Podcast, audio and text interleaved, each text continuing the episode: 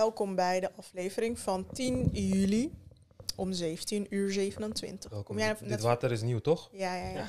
dat weet je hier nooit. Wat zei je nou? Kom ik uit? Kom je net uit je werk? Oh ja. Ik was eh, in Amsterdam gelukkig, maar eh, ik dacht dat ik er gewoon lekker vlot zou zijn, maar er was een aanrijding. Dus toen Oh, moest ik helemaal, jou eh, ook al. Ja, moest ik helemaal omrijden. Bij mij laatst ook. Ik wilde naar de uitgeverij om daar te schrijven. Toen was er een aanrijding met een persoon. Toen kon ik twee, drie uur lang niet naar Amsterdam. Ja, het is echt lastig. Ja. Eh, wat wil ik nou zeggen? Oh ja, ik heb daar die microfoons van die wireless go. Hier zo, hier zo.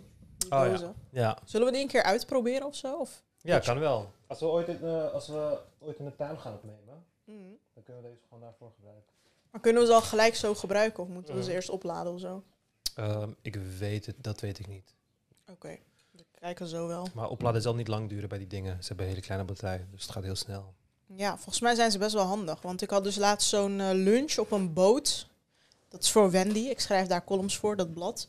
Dus we hadden zo'n eh columnistenlunch. En toen hadden ze met zo'n microfoon, precies zoals deze, hadden ze zo'n voorstelronde en zo gedaan. Gingen ze alles opnemen. En er was Mhm. super veel wind en zo. En toen gingen ze toch met deze microfoon opnemen. Dus ik dacht van, oh, dan Ja. moet het wel hele goede microfoons zijn eigenlijk. Ja, dan zijn ze wel, ja. Maar dan hoor je toch wel die wind. Dan dacht ik de hele Als je tijd. zo'n plofkap kap op hebt, Ja, zat zo'n klein eh, zacht dingetje erop. ja, noemen ze in het eh, Engels een dead cat. Een dode Oh ja. kat. en dat houdt de wind tegen, zeg maar. Oh ja. Waardoor je dat niet krijgt. Maar die microfoons gebruiken we toch ook bij eh, die columns bij eh, Ja, bij Nieuwskamer. nieuwskamer, ja. Over Nieuwskamer gesproken. Volgens mij is iedereen daar weg of zo. Want ik ja had ik laatst... zag wel dat ze iets deden daar of zo. Maar ze hebben mijn video's gewoon gewoon, niet van- weggehaald. Echt, echt, Ja, die van mij ook. echt rare mens. Het is daar zo raar allemaal. Het is echt niet van de grond gekomen. Het is geen succes geworden. Want ze wilden een soort van concurrent zijn van NOS Stories. En ik zag laatst dat ze nog steeds 3000 volgers of zo hebben. Nog steeds, na een jaar of Ja. twee jaar. Ja, 4000 of zo staat er. Terwijl Twaalf- NOS twaalf weken Stories... geleden was de laatste, laatste post. Ja, 12 weken. Dat is wel veel te lang.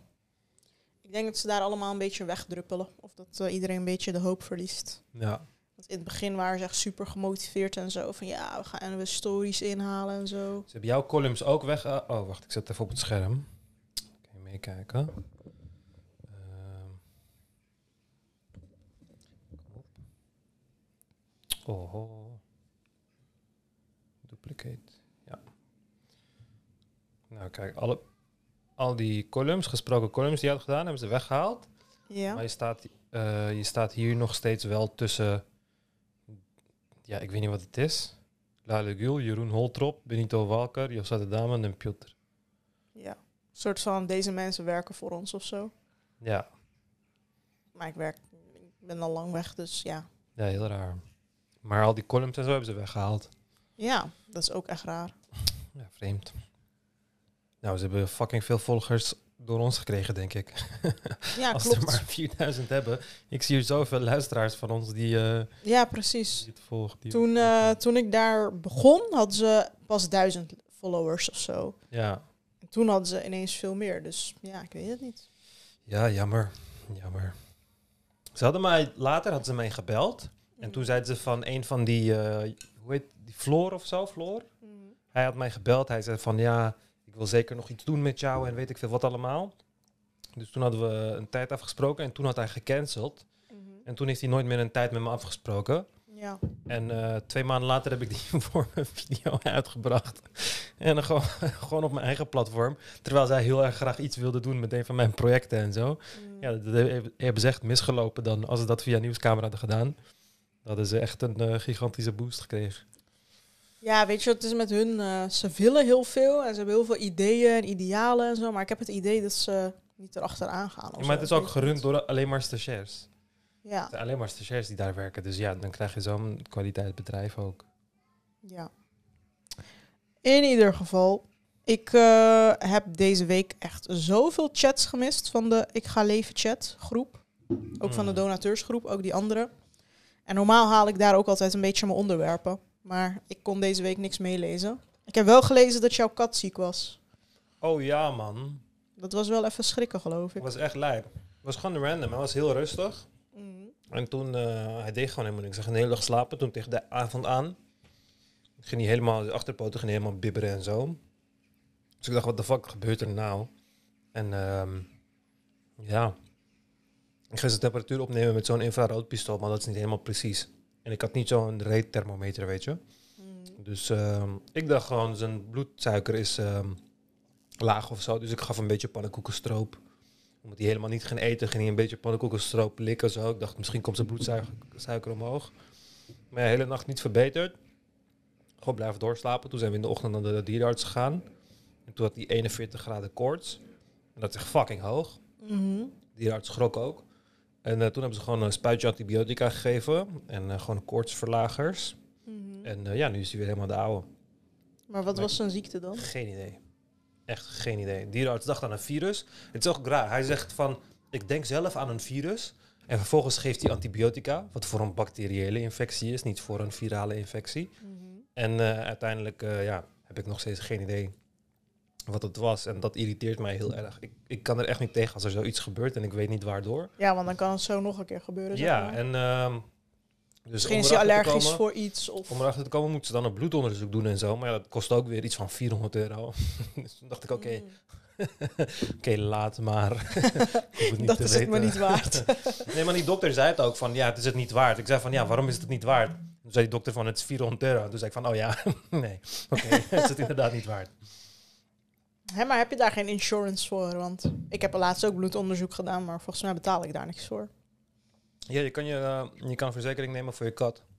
Alleen, ik denk niet dat zo'n bloedonderzoek nadat de kat genezen is, ooit gedekt zou worden. Want het is gewoon voor extra informatie. Die kat leeft, hij is gewoon gezond op dit moment. Ja, maar bij mij was het ook extra Dus informatie. dan valt het niet onder, eh, ja. Ja, ik weet het niet. Misschien zou het wel handig zijn hoor, om een verzekering te nemen. Want eh, ja, die, die, die artskosten die stapelen wel echt op. Kijk, als zo'n verzekering maar 30 euro in de maand kost of zo, ja. dan Want wat nemen. kost die dierenartsbezoek dan? Mm, Dat bezoek? Nou, ik kreeg een... Op zich was deze keer wel goedkoop. Het was gewoon 100 euro. Mhm. Het was gewoon antibiotica-injectie, koortsverlaaginjectie en koortsverlaagmiddel naar huis mee. En dat was dan 100 euro in totaal. Ik hoor ook wel eens eh, horrorverhalen van eh, dat een huisdier een operatie moet, wat ineens heel duur schijnt te Mhm. zijn en zo. En de overleven is het alsnog niet. Dan moet Ja. je toch betalen. ja. ja. Maar oké, we zijn blij dat je kat eh, weer gezond is. Ik had ook gelezen net dat Eamon ADHD heeft. Want hij was bij ADHD Centraal geweest. Oh ja, nee, hij had een test gedaan. Ik, denk- ik denk nog niet dat hij, die, eh, dat hij de confirmatie heeft dat hij ADHD heeft. Oh ja, maar hij had Hij toch bij alles test vrij een, een vrij hoge score. Oh ja, maar dit is alleen een, eh, alleen een activiteits... acti aandachtsinputcontrole-test en activiteittest. Hmm. Dus er zijn best wel veel testen die je moet doorgaan nog. Ehm, wat zei die nou? Even kijken. Ik weet niet meer wat hij zei eigenlijk. Je hebt hele interessante scoren. Je scoort ontzettend hoog op bewegelijkheid, maar impulsiviteit niet. Zo van als ik naar alles kijk, dan moet je echt trots zijn waar je gekomen bent. En dat het heel frustrerend heeft moeten zijn, want heel veel maskeer je gewoon met intelligentie en zo. En ja, dit klopt dan ook. Want, Want je eh, bent heel bewegelijk als je ADHD hebt. ja, dat, maar ook eh, heel veel, ja, hoe zal ik het zeggen? Eigenlijk zonder de slimheid eh, voorspelt het eigenlijk dat je leven naar de klote gaat. zeg maar. Oh, Ja, het zijn niet echt. Het dus zijn domme echt- ADHD'ers het- hebben een heel ja, moeilijk leven. natuurlijk, natuurlijk. Als je, niet, als je niet intelligent bent en je hebt ADHD, dan heb je gewoon een handicap, basically. Mm. Weet je, als je slim bent en je hebt ADHD, heb je ook een handicap, maar je kan het nog een beetje in je voordeel gebruiken. Eigenlijk zijn dat eh, die, die irritante straatjongens. Die, Ja, eh, want het heeft, het heeft weinig voordelen. Tenminste, het heeft wel voordelen, maar het zijn alleen voordelen als je, als je ze voordelig inzet. En eh, over het algemeen is dat niet zo. Je moet wel in een bepaalde fase in je leven zitten en bepaalde kennis hebben om het op die manier te kunnen inzetten. mm. Want ja, kijk, één man die kan eh, hyper focussen op, eh, weet ik veel, embryovorming in insecten of whatever. En ja, als je die basis niet hebt, ja, dan ga je focussen op hoe, je, hoe je snelle plofkraken zet. Bijvoorbeeld. Ja, ga je op zoek naar dopamine of zo. Ja. Ja, dus ehm, Mm. daarom, maar daarom blijf ik zeggen, joh, ik heb het eergisteren nog op een feestje aan een chick verteld van ja, als ik, geen, als ik niet slim was, was ik dakloos. En elke keer als ik dat tegen iemand zeg, dan schrikken ze zo van, hè, waarom zeg je dat en zo? Dan denk ik van, hè, maar het is echt zo duidelijk. Als ik niet slim was, was ik dakloos. Mm. Is echt eh, zo voor de hand liggend, want het zijn niet echt... ehm, Want stel jij was niet dingen. slim, wat zou je dan nu doen? Ja, maar dan zou ik een 9 tot 5 baantje moeten nemen en een kutbaantje. Eentje die mij dan ook niet stimuleert, want ik heb waarschijnlijk mijn school en zo ook opgefokt. Dus dan moet ik, weet ik veel, eh, in de Burger King gaan werken of zo. En dat zou dan, mm, net zoals die verhalen die we van Izzy horen nu, nu dat die baantjes en zo fixt. Hij wordt overal gewoon ontslagen of hij moet weg of whatever. Omdat jouw persoonlijkheid gewoon niet daarvoor gediend is. Jij kan Mm. niet, jij kan niet, eh, ja... Ja, hoe zal ik het zeggen? Gewoon- Tegen autoriteit en tegen dingen die niet logisch zijn en weet ik veel wat allemaal. Want je denkt gewoon van, ja, ik vind dit niet fijn. En eh, ja, dan ga je ook niet vroeg eh, wakker worden bijvoorbeeld. Ga je daar ook niet je best voor doen.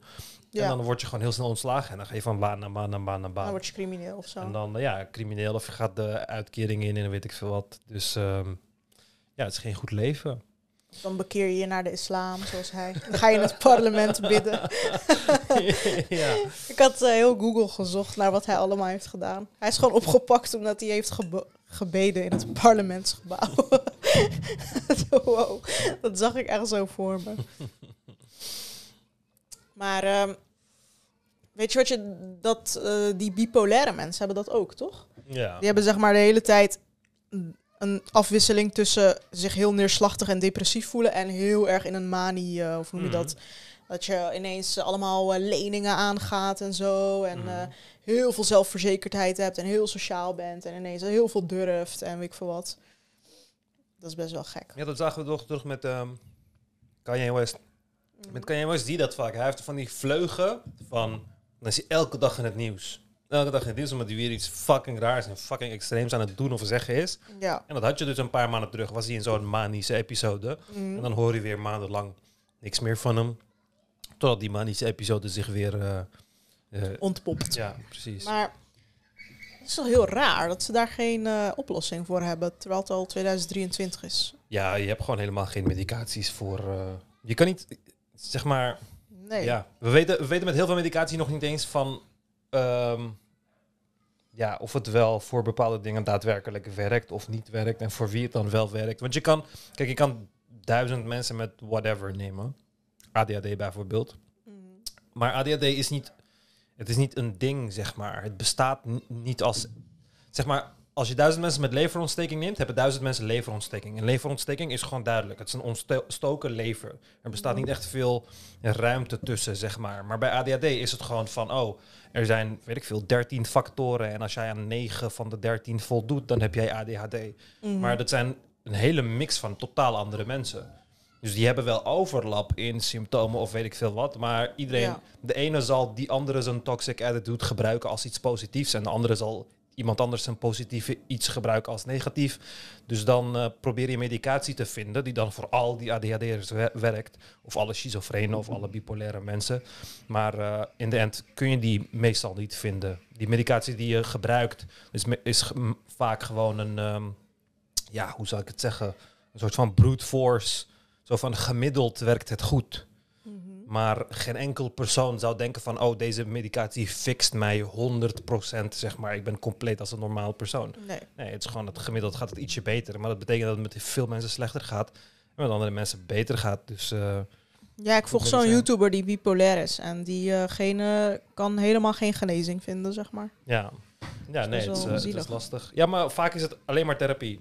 Want het is altijd, therapie werkt altijd beter dan medicatie in veel van die opzichten. Eh, in combinatie werken ze het beste. En de meeste mensen willen geen therapie. De meeste mensen willen ook geen medicatie slikken. En sowieso ben je, als, vooral als bipolair persoon, eigenlijk met alle dingen is dat zo, met alle hersenziektes is dat zo, dat je gewoon heel graag niet de medicatie wilt nemen. Want het is een soort van jezelf. Weet je? En Mm. daardoor krijg je een soort van strubbeling om jezelf te veranderen. Eh, want je verandert.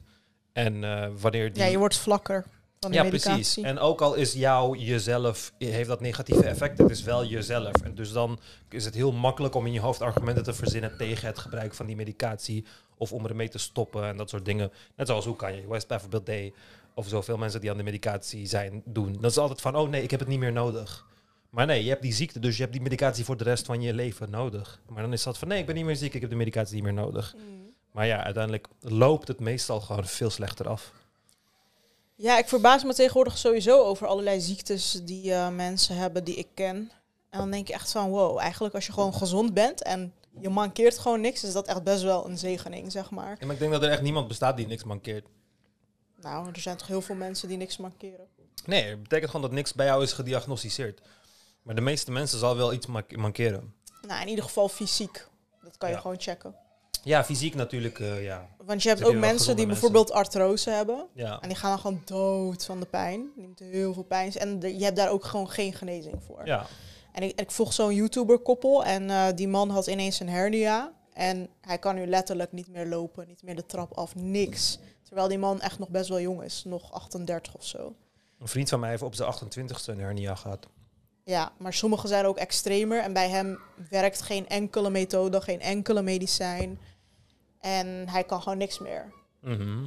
En ja, die vrouw die, v- van hem, die moet echt elke keer huilen en zo. Want ze hebben ook een jong kind. En dat kind kent die vader echt alleen maar als ziek. Want die vader kan gewoon niks.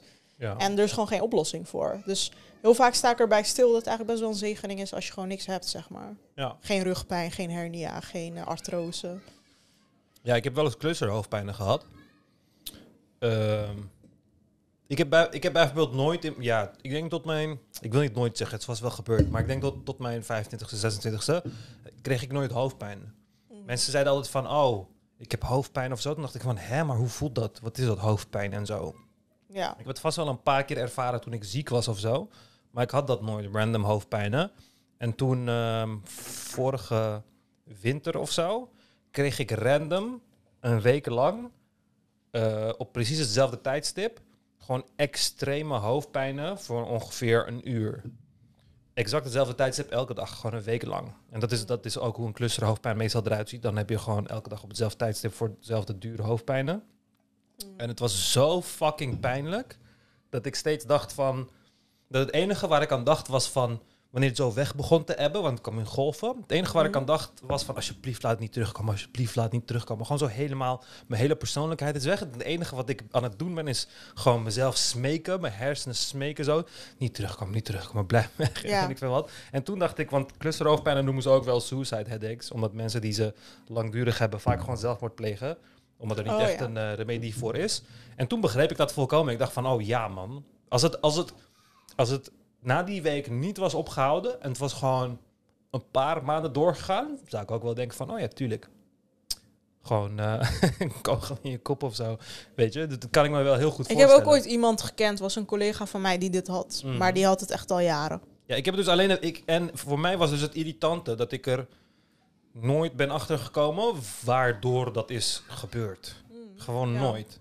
Het gebeurde echt in een periode waarin ik helemaal geen veranderingen in mijn leven had. Er is geen, niks groots gebeurd. Dieet niet veranderd. Stoffen die ik innam niet veranderd. Helemaal niks veranderd. En toch kreeg Ja. ik het gewoon random. Maar dat geldt En, toch voor eh, zoveel ziektes? Die ontstaan gewoon Ja. random. Ik snap Ja, ook niet waarom mijn oma ineens kanker had. Ja. vlak daarna heb ik opnieuw een MRI van mijn hoofd laten maken. Want ik dacht van, hé, voor je het weet eh, zit daar iets of zo. Maar eh, nee, het was gewoon een clusterhoofdpijnen. En ehm, ja. Dus je hebt ook die oorsuizen. Sommigen gaan daar ook eh, ja. ja, zelfmoord van plegen. Ja. Dat lijkt me ook. ja, nee, maar over het algemeen word ik echt nooit ziek. Want sinds we deze dat is echt podcast een zegening. Ja, sinds we deze podcast hebben, zijn aan het opnemen zijn, ben ik nul keer ziek geweest, zeg maar. Maar ik heb wel die eh clusterhoofdpijnen gehad. Maar eh, voor de rest heb ik nooit dat ik ziek ben of dat er iets gebeurt of weet ik veel wat. Oh ja. Gelukkig niet. Ja, gelukkig. Daar ben ik. Maar dat was toen ik jong was ook zo. Werd ik echt nooit ziek. Maar als ik ziek werd, werd ik ook wel echt goed ziek, zeg maar. Mhm.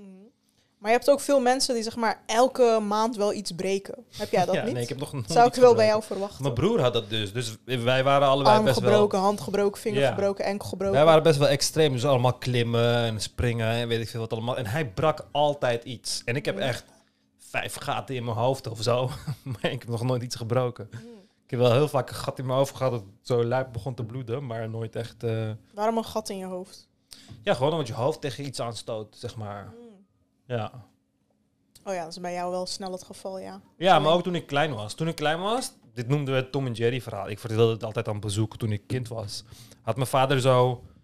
Ja, eigenlijk is het gewoon een plank met dan twee wielen aan het, in het midden zo, die dan als aanhangwagen kan gebruiken achter een fiets. Maar het is gewoon een plank met wielen in het midden. Dus hij fungeert als een wip, zeg maar. Mhm. En toen had mijn broer zo op de lage plek van dat ding, had hij zo een auto gezet, mijn, mijn speelgoedauto. En toen, eh zodat ik daar naartoe zou komen. En toen ging ik daar, toen ging ik zitten op die plank en met die auto spelen. En toen sprong hij van het aanrecht op de andere kant van die plank, zeg maar. Ja. En, en toen lanceerde ik zo door de keuken. Toen schoot hij jou. ja, lanceerde ik door de keuken en toen kwam ik met mijn hoofd tegen de hoek eh, van, de, van de tafel. maar Oh, er kwam zoveel bloed uit. Ik herinner me nog heel goed dat ik dan naar de woonkamer liep en dat er dan bloed eh, allemaal op de deur was gekomen en zo. Ik zag zo bloed op het glas, dat heb ik nog in mijn hoofd. Ik was denk ik eh, vijf of zes of zo. Ik was best wel jong. Mm. Toen moest ik gewoon naar het ziekenhuis en dan gewoon eh, dat laten plakken. Doen ze gewoon met superlijm, want het is gewoon dicht geplakt. Ik heb, Oh ja. ik heb hier eentje. Ik heb hier eentje. Ik heb best wel veel. Maar je hebt geen littekens. Jawel, ik heb hier een litteken volgens mij. Mm. Of hier of hier. Een van deze twee heb ik litteken. Oh ja, hier? Daar, ja. Ja, ja, heb ik ook een litteken. Dus ehm, ja, maar de laatste tien jaar of zo niet echt grote dingen gehad, gelukkig. Ja. Ik ben als baby blijkbaar van het balkon gevallen. Door Oh, een ja. nichtje. Dat verklaart heel veel. Maar ik ben blijkbaar in de bosjes gevallen. Anders was ik dood. Oh ja, je hebt een beetje cushioning zo. Ja. Ehm, Oké. Ja, ik had... eh, Heb jij ooit iets gebroken? Nee. Ja, je mocht toch niet naar buiten, wat ga je breken? Ja, precies. en ik zat ook nooit op een sport of zo. ja, precies. Meestal als je judo doet of kickbox of zo, dan breek Mhm. je. Of voetbal. Vooral voetbal. Voetballers hebben Ook altijd... tijdens eh, gym. Tijdens gym had je altijd wel iemand die iets had gebroken of zo. Nee man, bij gym, wat ga je breken? Bij ons deden we wel gevaarlijke dingen bij gym hoor. Wat is gevaarlijk bij gym? Een touw 7, 8 meter in de lucht beklimmen, bijvoorbeeld. Ja, maar die, dan, zit het, dan zit je toch vast aan zo'n ding? Dan kan je Mhm. toch niet echt vallen of zo? Nee, bij gym zit je nergens vast aan hoor. Is geen klimmuur. Je moet gewoon klimmen zo. En nou ja, als je valt, dan eh, ben je oh nee, klopt. Ja, nu het zegt. Inderdaad. Echt van het touw klimmen. Ja. ja, wij gingen ook gewoon touw klimmen. Maar niemand ja, mijn viel. broer had daar zijn been gebroken volgens mij. Oh. Dus eh, ja. Ja, maar wij deden ook gimmen best wel veel eh, buiten. En daar was altijd kunstgras. Dus Ja, ja. dan moet je best wel je best doen om iets te breken. Ja. Nee, ik heb niks gebroken. Doe dat veel pijn, denk je, als je iets breekt? Ja, volgens mij best wel. Vast wel. Oké, eh, ik had genoteerd misverkiezing met een transgender. Daar zijn mensen heel erg boos over. Oh ja. Want eh, de reden van de boosheid is ook niet alleen omdat zij transgender is, maar ook omdat de finalist waartegen zij moet, die vinden ze gewoon veel knapper. Ja, maar ik vind dat echt een beetje... ik vind dat echt raar. En Iedereen zegt ook tegen mij van ja, maar iedereen die zeg maar deze twee ziet, zou voor die Ja, maar andere heeft kiezen. zij van haar gewonnen? Ja, Maar bij haar staat Miss Universe. En bij haar staat Miss Nederland. Is dat niet gewoon verzonnen? oh, heeft zij Miss Universe gewonnen Ja, dan? hier staat Miss Universe. Maar misschien is dat van vorig jaar of zo. Even kijken. Ja, maar waarom zou Miss Universe dan tegen Miss Nederland gaan? Dat weet ik ook niet. In ieder geval, dit is een hele meme geworden dat mensen zo hun foto's delen van... Oh, als ik ze in de kroeg tegenkom, dan zou ik sowieso voor die linker gaan, weet je wel. Zo, zo sarcastisch van, die man zou voor haar gaan en zo. Ja, dit is zij toch? Mhm. Even kijken. Is zij dit? Nee. Ja, ik Nee, weet- dit ik is Miss Venezuela. Wie is dit? Miss Universe. Ik weet niet wie Miss Universe is. Waarom staat haar naam er niet bij?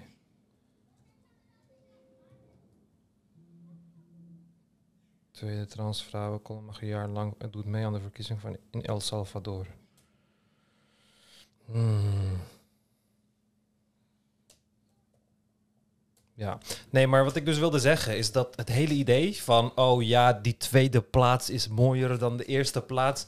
Wanneer, like, dat is letterlijk altijd zo geweest. Altijd wanneer er een misverkiezing was geweest waarbij iemand heeft gewonnen, dacht ik van, hè, is deze vrouw de mooiste vrouw van Nederland? Het is gewoon nooit een vrouw waarvan je denkt van, oh, dit is de mooiste vrouw van Nederland of zo. En Mm. dan boeit het niemand van, oh ja, maar ik vond de tweede of derde plaats vond ik mooier of whatever. Dan Mm. boeit het niemand. Ja. Maar als het een transwinnaar is, dan boeit het opeens iedereen op de een of andere manier.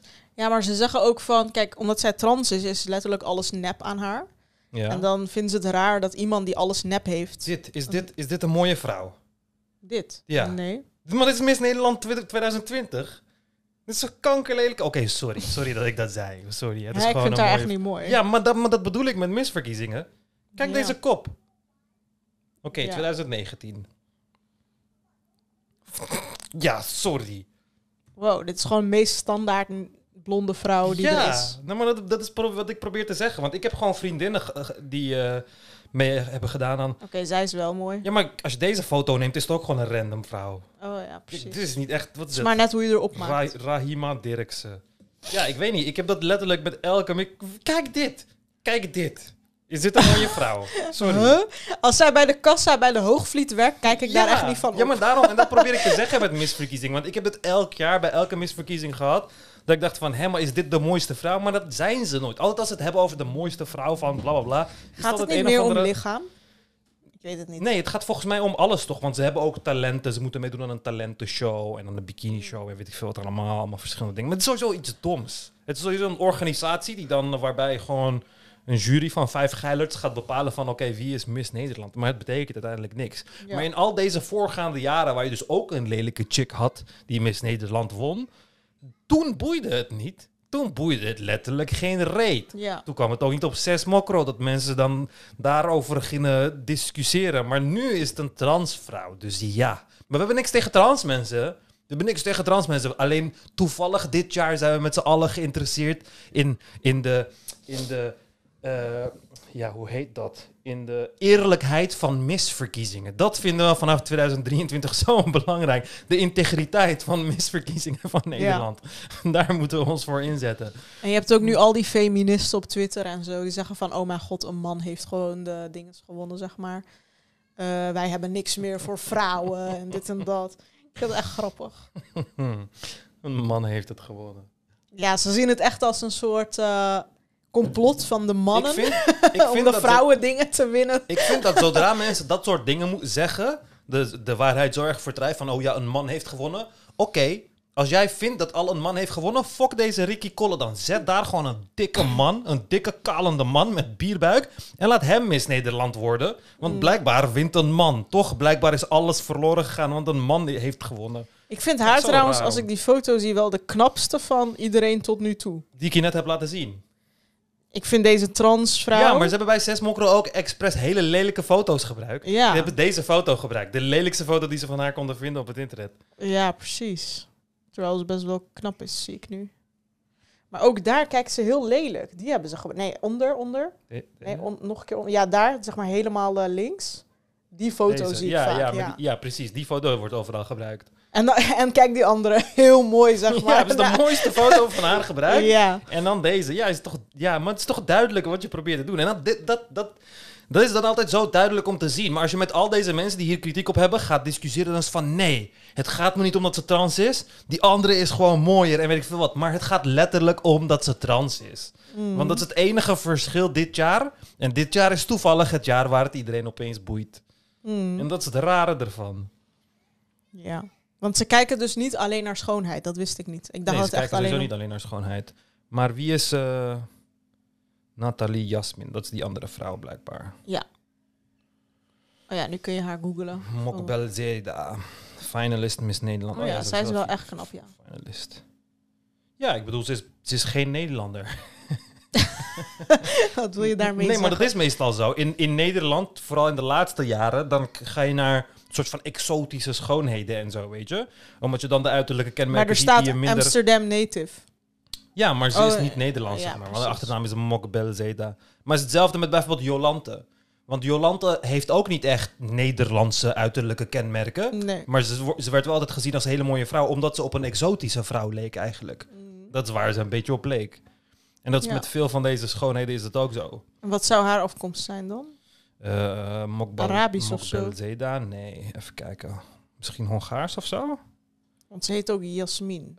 Eh eh, Mokbel Zeda. Surname. Mokbel Zeda. Hè, waarom is zij de enige die... Mm. Die achternaam heeft. Ja, letterlijk. Oké, even kijken. Ik wil zonder Nathalie. Nee. Oké. Mokbel heb je wel in Brazilië, maar ja. Op de een of andere manier, Mokbelzada bestaat gewoon niet. Hmm. Mokbelzada zonder Nathalie Mokbelzada bestaat gewoon niet op het internet. What the fuck? Hè, maar dat is echt raar. Ja, is Dan ben je de enige op de wereld die die achternaam heeft. Oh ja, nee, Koen Westerhof. Ja, nee, ik weet het niet.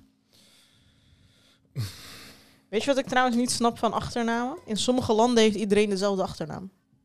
Ja. Want ik had, eh, even kijken, wat, ja, oh ja, ik had vriend, ik had klasgenoten uit India op de basisschool. En die hadden allemaal dezelfde achternaam, maar die waren niet familie van elkaar. Want in India heeft iedereen dezelfde achternaam of zo, zoiets zei Nee, je ze. hebt een soort van... eh, ja, hoe heet dat? Een soort van kast, Ja, precies. kastsystemen. En dan eh, heeft, heeft alle Singhs heten bijvoorbeeld Singh van hun achternaam. Ja, precies. Singh of Singh, Kaur Singh was Ja. het, geloof ik.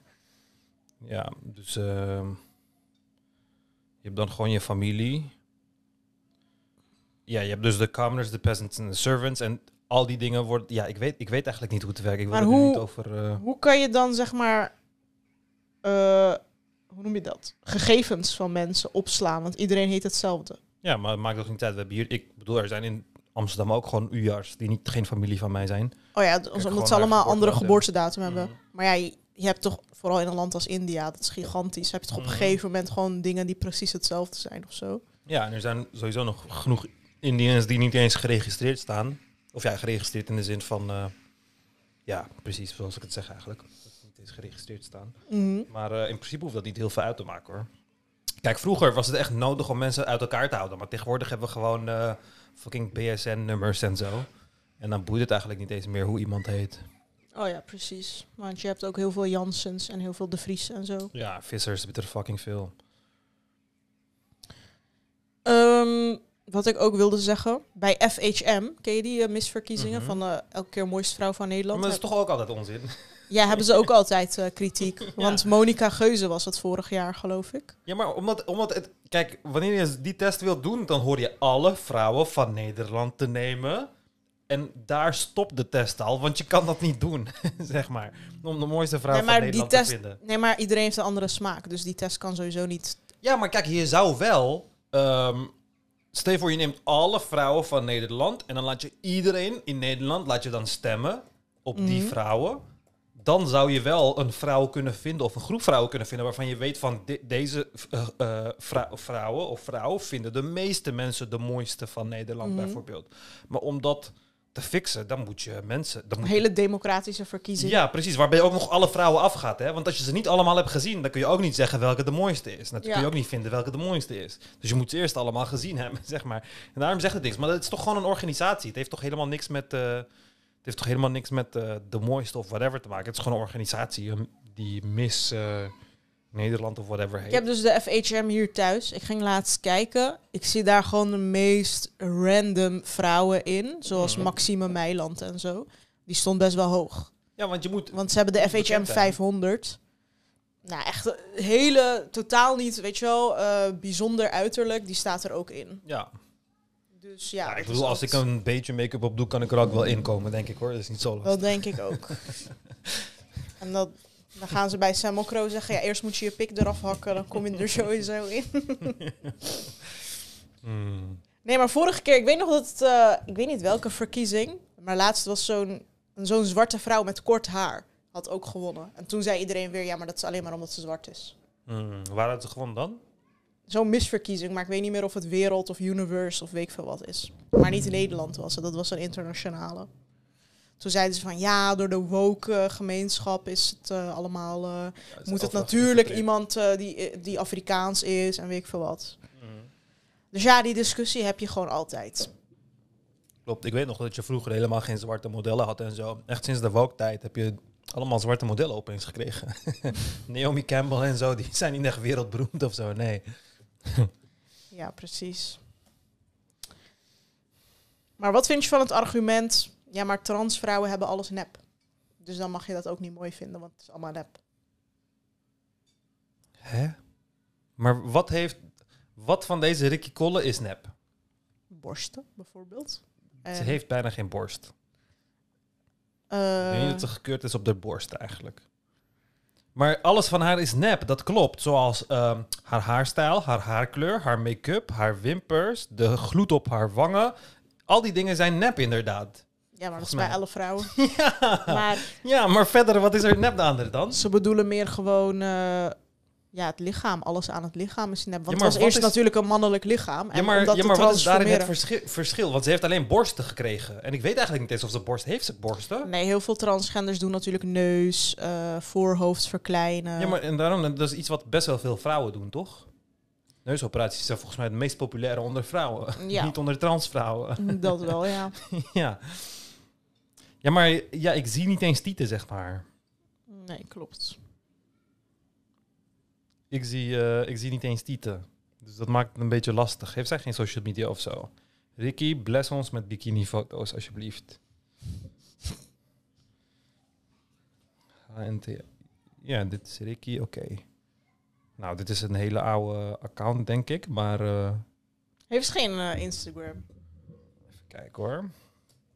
Ricky. Weet je wat het probleem is van al die mensen op... eh, Ricky Valerie Kolle, is dit er? Ja, oké. Nou, ik bedoel, ik heb eh, meer borst eh, dan haar. Dus ja, ik denk niet dat zij een topoperatie heeft gedaan hoor. Want eh, Het is best wel plat, ja. ja, er zijn geen borst. Als ze het heeft gedaan, dan zijn het werelds kleinste. Ja, ik bedoel, waar zijn de tieten dan? Ja, precies. Ja, dus ik weet niet wat aan haar nep is. Maar eh, ja, ik denk dat ze een bottomoperatie... Ja, het is ook zielig om het nu hierover te hebben. Maar voor de rest, ja, ze heeft make-up op. Mm. Net als alle vrouwen heeft ze gewoon make-up op. Dus ja. Maar ik ben voor een Miss Nederland verkiezing waarbij we vrouwen gewoon in hun natuurlijke staat zien hoor. Met unibrow en allemaal eh, bakkenbaarden en snorretjes en zo. Ik vind het helemaal top. Als, we het, als het allemaal echt moet zijn, laat het op die manier doen. Maar ik denk dat ze op de een of andere manier vindt ze het dan niet meer leuk. Dan is het van, oh nee, nee, nee, alleen de trans eh, vrouwen. Maar dan is het probleem ook. Het probleem is dat die, al die reacties bij Ses, Ses Mokro van, oh ja, en dit en dat en weet ik veel wat. Het probleem is dat heel veel van die jongens weten dat ze haar zouden doen. Dat is het grootste probleem. Laten we even naar die comments kijken. Ach, kom nou, waar zijn je ballen gebleven? Is Oh, je boy omdat- JJ. Oh, om, omdat ze schrikt van eh, alle haatreacties. Waar zijn je ballen gebleven? Ik weet het allemaal oprecht niet meer, jongens. Maar je moet even naar die post gaan waarbij ze het vergelijken met die andere Oh ja, waar is finalist. die? Ik denk helemaal boven zo. Oh ja, Oh, ja. hij is hem gepint ook nog, ja natuurlijk. Kijk, die ijstijd is altijd hoogste comment. Stel je voor, je zit tegen iedereen op te scheppen dat je met Miss Nederland gaat. Iedereen hoge verwachtingen, eindstand kom je met Enzo Knol met pruik aanzetten. Ja, propaganda. Mannen zijn zelfs beter in vrouw zijn dan vrouwen. Die vind ik wel grappig. nou, breek mijn klomp. Hey, jak. Yo, nee, man.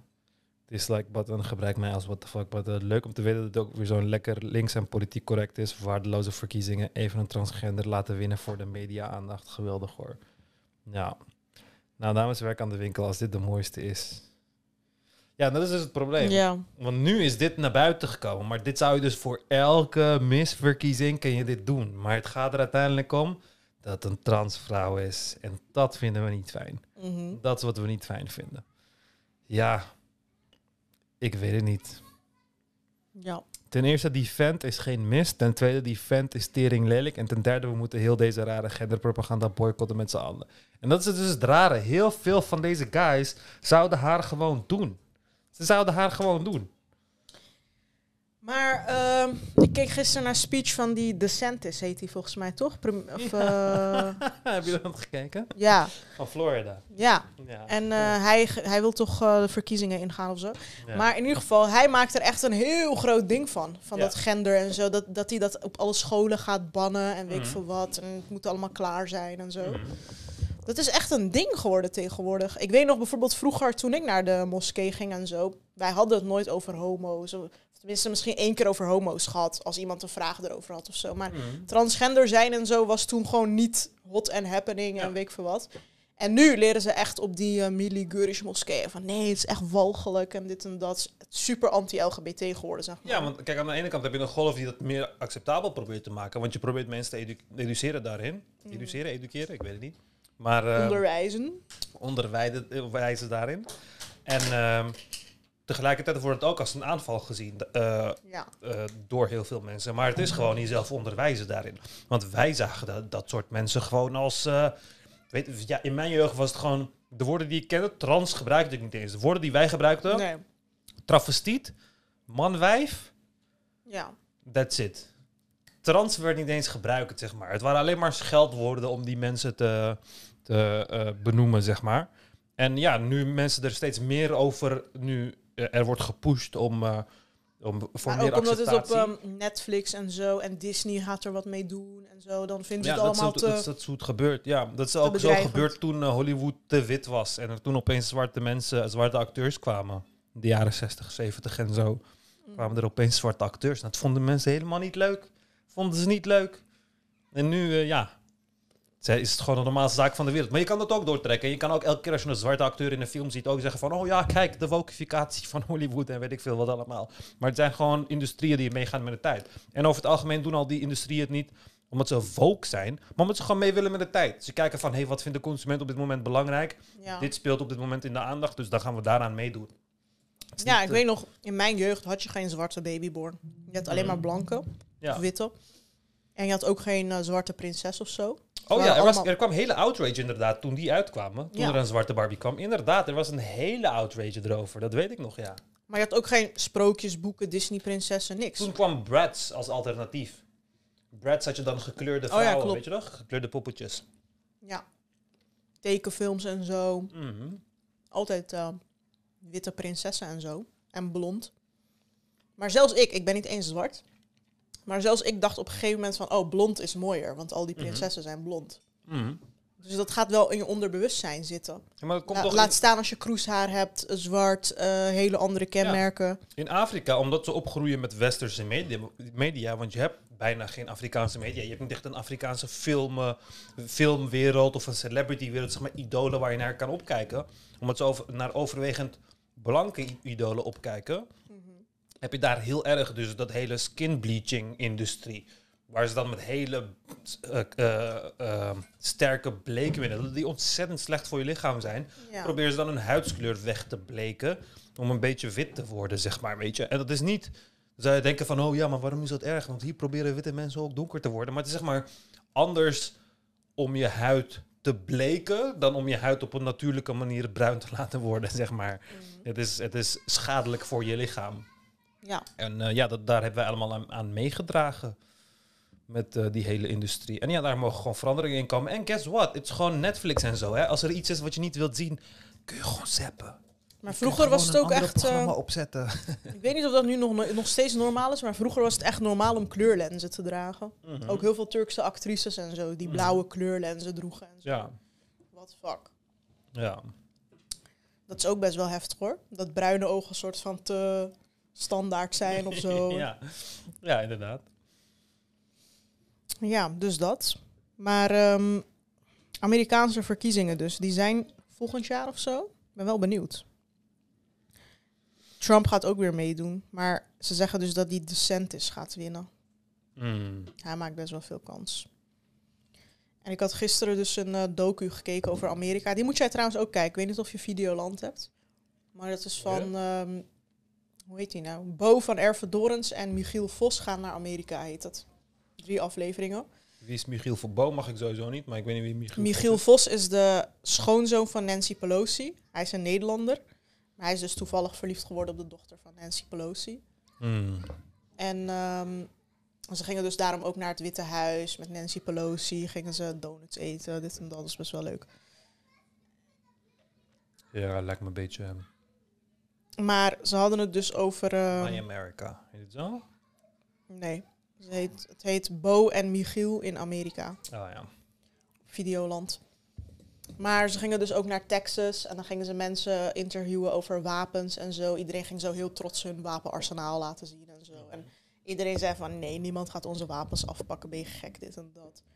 En eh, Maar het is toch raar? Dan heb je gewoon een guy van in de 40, 50 en die heeft een wapenarsenaal in zijn huis. ja, Die heeft gewoon genoeg nog wapens. helemaal trots van deze Ja. komt uit de Eerste Ja, Wereldoorlog. ze hebben genoeg wapens in hun huis om een klein leger te voorzien van de wapens, zeg maar.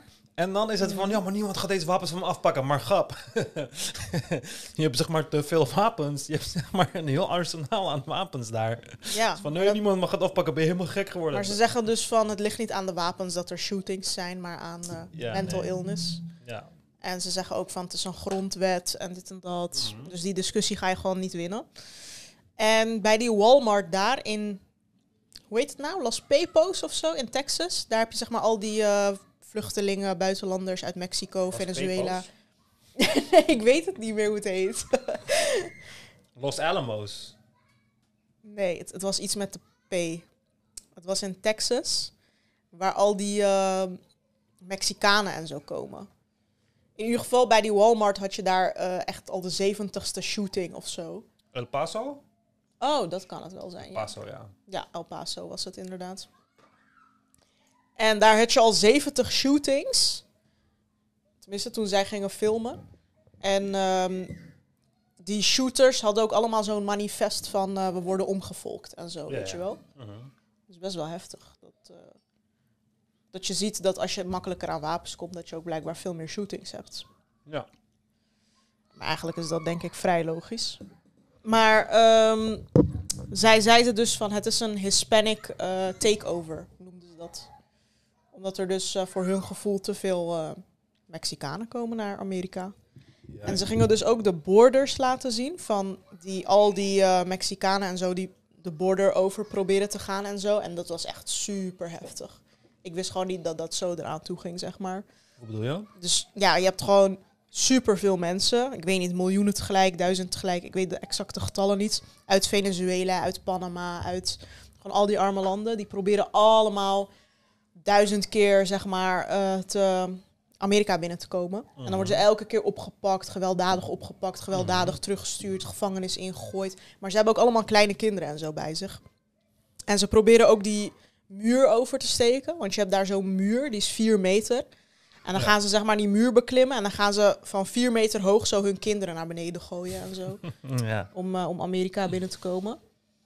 En je ziet zo de hele tijd zeg maar mensen proberen te rennen en zo. En ze zijn ook door de jungle van Panama geweest en zo. Om zeg maar die eh, reis te voltooien. En dan is ook nog de helft dood gegaan in de jungle en dit en dat. En dan interviewen ze die mensen. Bijvoorbeeld één man kwam uit Venezuela. Van, eh, hij zegt van ja, ik heb mijn kinderen onderweg achter moeten laten. Want eh, ja, dit en dat, die, die overleefden niet. En ik ben hier om een toekomst op te bouwen. En dan zeggen ze van ja, maar had je geen leven in Venezuela? En dan zegt hij ja, maar daar verdien ik maar 30 dollar per maand. En dat is Ja. voor niks genoeg. Ja. Het is gewoon zo heftig.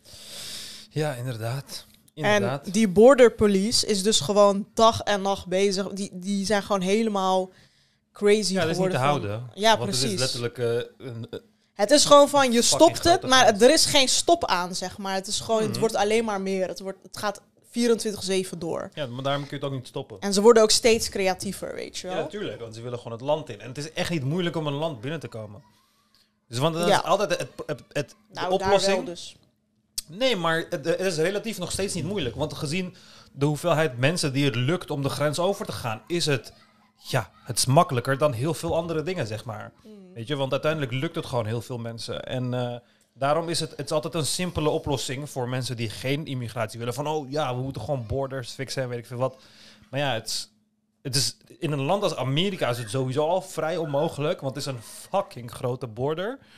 En ehm, die border moet gebouwd worden. Die border moet bemand worden. Maar wat zou jouw oplossing zijn dan om die mensen tegen te houden? Moet je ze niet tegenhouden? Hmm, ik zou ze niet per se tegenhouden. Ik zou het gewoon wat... ehm, Maar het zijn er echt miljoenen tegelijk. Nou, het valt echt mee of het Nee, maar als ze eenmaal zijn. horen dat je binnenkomt, komt ook de rest van het land. Dan is heel Venezuela leeg, bij wijze van. Dat zal dus echt nooit gebeuren. Want het gebeurt... Kijk, eh, de US is een immigrant country. Het is altijd zo geweest. Iedereen in de US is altijd eh, immigrant geweest. De Mm. US is daarop gebouwd. En er is in de US meer dan genoeg ruimte voor echt nog miljoenen van die mensen. Is er echt meer dan genoeg ruimte en werkgelegenheid. Dat is er gewoon. Mhm, waarom Ze houden ze dan tegen? Ze, lo- ze lopen niet tegen dezelfde problemen omdat eh, Maar er... ze zeggen dat de criminaliteit dan veel hoger wordt. Of zo. Ja, omdat er wat, je, wat er gebeurt. Drugskartels komen naar binnen, alles. Mm. Het is niet drugskartels komen. Drugskartels komen sowieso binnen, of ze nou binnen willen komen of niet. Ze hebben gewoon tunnels waar ze gewoon drugs doorheen eh, eh, smokkelen naar, eh, naar ehm, Amerika. Die ga je niet echt vinden tussen de, tussen de, tussen de ehm, ja, hoe heet dat? De illegale, zeg maar. Maar het probleem is dat zodra die mensen met z'n allen komen en er is geen, ehm, hoe zou ik het zeggen, gestructureerde opvang voor die mensen, dan gaan ze buurtjes bouwen voor zichzelf. Zoals ze dat altijd hebben gedaan. Langs de kust van eh, Mexico gaan ze buurten bouwen voor zichzelf. Waar alleen dat soort mensen wonen. En waar alleen groeperingen wonen van lage sociaal-economische klassen. En dan ga je automatisch ga je gewoon criminaliteit krijgen. Dat eh, is vanzelfsprekend. Maar dan kan je proberen die instroom tegen te houden. Die instroom ga je niet tegenhouden. Je gaat hem op zijn best Je kan hem enorm... wel lastig maken. Ja, maar daarom op zijn best ga je heel veel geld eraan eh, uitgeven om de instroom ietsje te verminderen. Want het grootste deel van illegale in, in naar, eh, dat vertellen ze ook niet in zo'n documentaire, maar het grootste deel van illegale in Amerika komt niet over de grens. Ze komen gewoon met vliegtuig. Ze komen gewoon Oh. met vliegtuig, met visa, en dan gaan ze niet meer terug. Dat is letterlijk de makkelijkste manier. Je kan een 30 meter hoge eh, eh, muur bouwen. Je kan nog steeds met de miljoenen naar Amerika komen. Want ik kan gewoon met een visum naar Amerika en weigeren om weg te gaan. Nee, maar dan moet je wel een vliegticket kunnen kopen. Veel Ja, ja. mensen kunnen dat al niet. Nee, heel veel mensen kunnen. Ja, jawel, jawel, je kan vanuit Venezuela naar Amerika kun je een, gewoon een vliegticket kopen. Dat kost niet veel. Het is niet Oh. Nederland en Amerika. Het is Mm. een paar honderd euro om naar eh, Amerika te vliegen. Texas is om de hoek bij wijze van. Weet Ja. je, kijk, vanuit hier ben je, ben je duizenden euro's kwijt voor een vliegticket. Tuurlijk, maar vanuit Me- Mexico vliegen naar Amerika, dat kost je echt letterlijk niks. Een paar honderd euro kost je dat. Mm. Dus dat is voor veel van die Zuid-Amerikaanse landen zo, eh, Midden-Amerikaanse landen. Eh, dus dat is de grootste toestroom van mensen die je eh, naar binnen krijgt. Dus eigenlijk gaat het erom dat die mensen ehm, eh, adequate opvang krijgen. Dus dat je ervoor zorgt dat je die mensen... Ja, en opvang in de zin van, ik zeg niet dat je huizen moet bouwen en geef voor die mensen, maar help die mensen wel bij het vinden van banen op een veilige manier en dat soort dingen, zodat ze niet uitgebuit worden en zodat ze niet met z'n allen in een buurt worden geplaatst. Want dan ga je weer dezelfde problemen krijgen als voorheen, zeg maar. Mhm. Maar voor heel veel Amerikanen is het gewoon zo dat ze geloven, vooral de lagere klasse Amerikanen, die geloven heel erg dat de eh, immigrants de, de, de banen wegnemen. Er is een hele South Park. Keek je ooit South Park vroeger? Ja, wel eens. Er was een hele South Park meme over van they took our jobs. Mhm. En, ehm, en dat, dat, dat kan ergens ook wel kloppen, maar dat is echt een heel slecht argument. Want ze doen echt de meest, meest kutte baantjes in Amerika. Zoals in een slachthuis werken of dingen plukken op het land en weet ik veel wat. Dus ja, en als ze zo'n baan van je hebben afgenomen, dan ligt het gewoon eigenlijk gewoon aan jezelf. En dan je, moet je zelf gewoon ja, het wat wordt hier in, in. Nederland toch ook gezegd door tokkies en zo. Ja, maar dan moet je. Ik vind dat echt een. Ja, kijk. Hoe het hoort in, eh, in, een, in een land meestal. Kijk, bijvoorbeeld neem Turkije als voorbeeld. Ik heb dus eh, van de week eh, gedoken in de Syrische kwestie in Turkije. Omdat ik niet bekend was met de data. Nu ben ik bekend met de data. Maar in Turkije ligt de werkloosheid van Syriërs en Turken die ligt op hetzelfde niveau. 12 procent. 12 procent van de Syriërs is werkloos, 12 procent van de Turken is werkloos. Dat is, dat is een goed, goed getal. Je ziet dat er geen verschil zit tussen de twee. En de angst was, omdat er zoveel mensen zouden komen naar Turkije, was de angst dat dus de lagere banen, eh, die dus vooral gevuld zouden worden door die nieuwe aanwas van Syriërs, die dus voor goedkoper willen werken. Want in Turkije heb je helemaal geen bescherming van weet ik veel wat. Dus dan, als ze jou als Turk kunnen vervangen met een Syriër die ze 70, 60 procent van wat ze jou betalen kunnen betalen, dan doen ze dat prima. Er is geen minimumloon of weet ik veel wat. Tenminste, als je zwart werkt. Dus dan hebben al die Syriërs hebben die eh, lagere baantjes overgenomen. En de, de, de angst was toen dat die lagere, die mensen in die wat lagere baantjes, dat die dan hun werk zouden kwijtraken. Maar je hebt juist gezien dat omdat Syriërs die baantjes hebben gevuld, dat de Turken die eerst die baantjes deden, juist een segment hoger zijn gegaan. Dus dan heb je een hele mooie invoeging gedaan, waarbij er bij niemand, eh, waarbij niemand er ten koste van i- is gegaan, zeg maar. Mhm. Dus de Turken hebben niet verminderd in, in eh, eh, eh, job security en, eh, en eh, employment, zeg maar. En dus Syriërs dan ook niet. En dat is een Mhm. mooi systeem. Het heeft, ik weet niet, het is, het is niet door de Turkse overheid dat dat zo is gebeurd, maar het is gewoon omdat je een omgeving hebt waar werken heel erg makkelijk is. Mhm. Want Turkije is werken gewoon heel erg makkelijk. Je kan bij iedereen langs kloppen. Je hebt geen contract nodig. Je hebt geen eh, ID nodig. Je hebt letterlijk niks nodig. Je kan gewoon werken en je geld krijgen. En in Amerika is dat bij veel plekken dus ook zo. Je kan dus voor plekken werken. Vooral in de landbouw in Californië kun je gewoon werken. Zonder dat je... Het is gewoon allemaal zwart als het ware.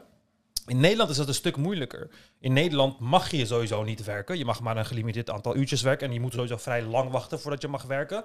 En niet werken is de nummer één predictor van iemand die problemen gaat veroorzaken. Want als je geen werk hebt, dan verveel je je. En wanneer je je verveelt en geen geld hebt, dan ga je meestal eh, de, de slechte kant op, zeg maar. Dus eh, het, be- het belangrijke is om die mensen gewoon eh, eh, werk te bieden. En om dat op zo'n manier te doen dat het niet ten koste gaat van je, je eigen populatie. En dat is dus moeilijk om te doen wanneer een groot deel van jouw populatie in die low-wage jobs zit, die iedereen kan uitvoeren. Ja, dan moet je ook werken aan de educatie van je volk. Want het is best wel beschamend om als Amerikaan letterlijk in een ontwikkeld land opgegroeid te zijn. En dan te zeggen van, hé, hey, deze mensen die uit een onontwikkeld land komen, die kunnen dezelfde baantjes als mij en daarom heb ik nu minder baangarantie. Ja, dat is jouw probleem eigenlijk. Dat jij vervangen kan worden door dat jij equivalent staat aan iemand uit een ontwikkelingsland. Dat is Mhm. jouw probleem en ook het probleem van de overheid die daarvoor heeft gezorgd. Ja. Maar het is sowieso, eh, die spanningen zijn er altijd, pas, altijd in de lagere klassen. Mm. Daarom is SP bijvoorbeeld ook best wel anti-immigratie. Want Mm. hun achterban is de lage klasse. En die moeten dan altijd concurreren met de nieuwkomers, zeg maar. Ja, en het maakt niet uit hoe de nieuwkomers scoren. Er zal altijd, eh, die haat zal altijd zo zijn. Zal er altijd zo zijn. Dus bijvoorbeeld, ehm eh, Syriërs in Turkije, minder vaak in, in aanraking met politie dan Turken. Minder vaak in aanraking met politie dan Turken. De Syrische vluchtelingen. Eh, zodanig dat elke 1% aan extra Syriërs in een Turkse stad zorgt voor een reductie van 8% in criminaliteit. Hoe meer Syriërs je in je stad hebt, hoe minder criminaliteit je hebt, oké? Het is gewoon, ik kan die studie ook tevoorschijn halen, by the way. Maar wanneer je dat aan de mensen vraagt, eh, van hey, Syriërs en criminaliteit in Turkije, hoe zit dat bijvoorbeeld? Dan krijg je, ehm, dan krijg je eh, het idee van, oh ja, Syriërs zitten allemaal in de criminaliteit en weet ik veel wat allemaal, omdat jij gewoon in de lagere klasse zit en je hebt problemen en jij gaat jouw problemen dan koppelen aan de, de, de, de zondebok, als het ware, en dat zijn dan de Syriërs. En, en dat gaat de lagere klasse altijd doen, ook al. Eh, en daarom is die Tur- Turkije dus een goed voorbeeld. Want hier in Nederland kun je dus zeggen van... Oh ja, Marokkanen. En Marokkanen zijn overgerepresenteerd in de criminaliteit. En dat klopt ook. En dan heb je gewoon een argument wat in principe gewoon vasthoudt, weet je. Je moet wel echt in de nuances duiken. Maar zelfs als dat niet zo is... Zelfs als die vluchtelingen minder criminaliteit veroorzaken... dan de inheemse bevolking... dan nog kiezen mensen ervoor om, ervoor te, om te geloven dat, ehm, dat het eh, ja, wel zo is, zeg maar. Eh, ik kan, Dat is wel interessant. Dat had ik niet verwacht. Ja, maar de meeste mensen hebben dat eh, niet verwacht, denk ik toch? Ja, Ik had het in principe ook niet verwacht, maar eh, ja zo zie je maar. even kijken hoor. Ehm, Maar ik vraag me dan wel af waar dat idee dan vandaan komt. Xenofobie.